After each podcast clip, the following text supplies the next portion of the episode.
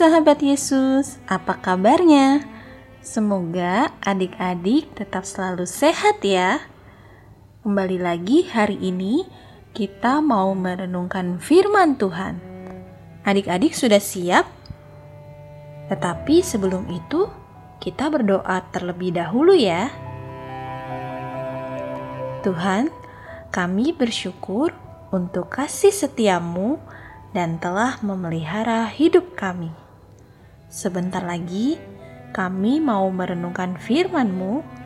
Tolong pimpin kami agar kami bisa selalu mengingat firman-Mu dan menerapkannya dalam kehidupan kami. Terima kasih Tuhan, hanya di dalam namamu kami berdoa. Amin. Adik-adik, Pembacaan renungan hari ini terambil dari Kolose 3 ayat 23. Tante Grace akan bacakan untuk kita semua ya. Apa pun juga yang kamu perbuat, perbuatlah dengan segenap hatimu seperti untuk Tuhan dan bukan untuk manusia. Adik-adik, Hari ini kita mau mengenal salah satu tokoh yang cukup terkenal, yaitu Bunda Teresa.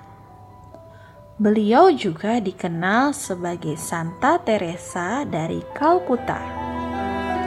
Beliau adalah seorang biarawati Katolik Roma keturunan Albania dan pernah mendirikan misionaris cinta kasih di Kalkuta, India pada tahun 1950. Bunda Teresa juga sudah 47 tahun melayani banyak orang. Baik itu orang sakit, berkekurangan, yatim piatu, maupun yang sekarat. Wah, sungguh luar biasa ya perbuatan Bunda Teresa.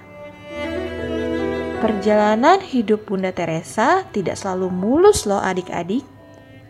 Tidak sedikit orang yang menolaknya ataupun tidak mendukungnya.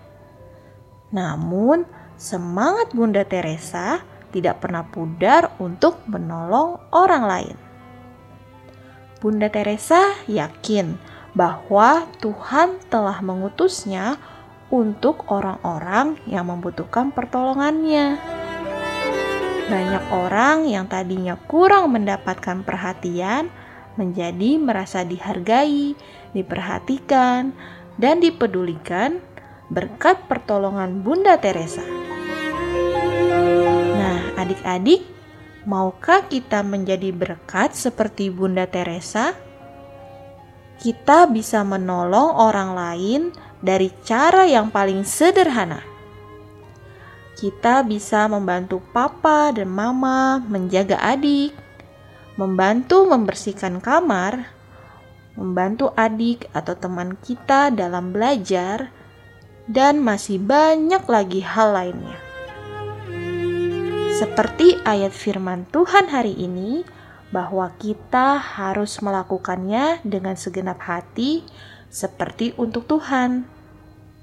Setiap pertolongan atau kebaikan yang kita lakukan untuk orang lain jika kita melakukannya dengan segenap hati dan sukacita, pasti itu akan menyenangkan hati Tuhan loh adik-adik.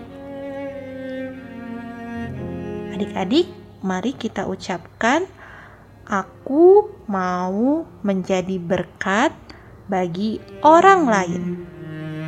Kita ucapkan sekali lagi ya. Aku mau menjadi berkat bagi orang lain. Mari kita berdoa.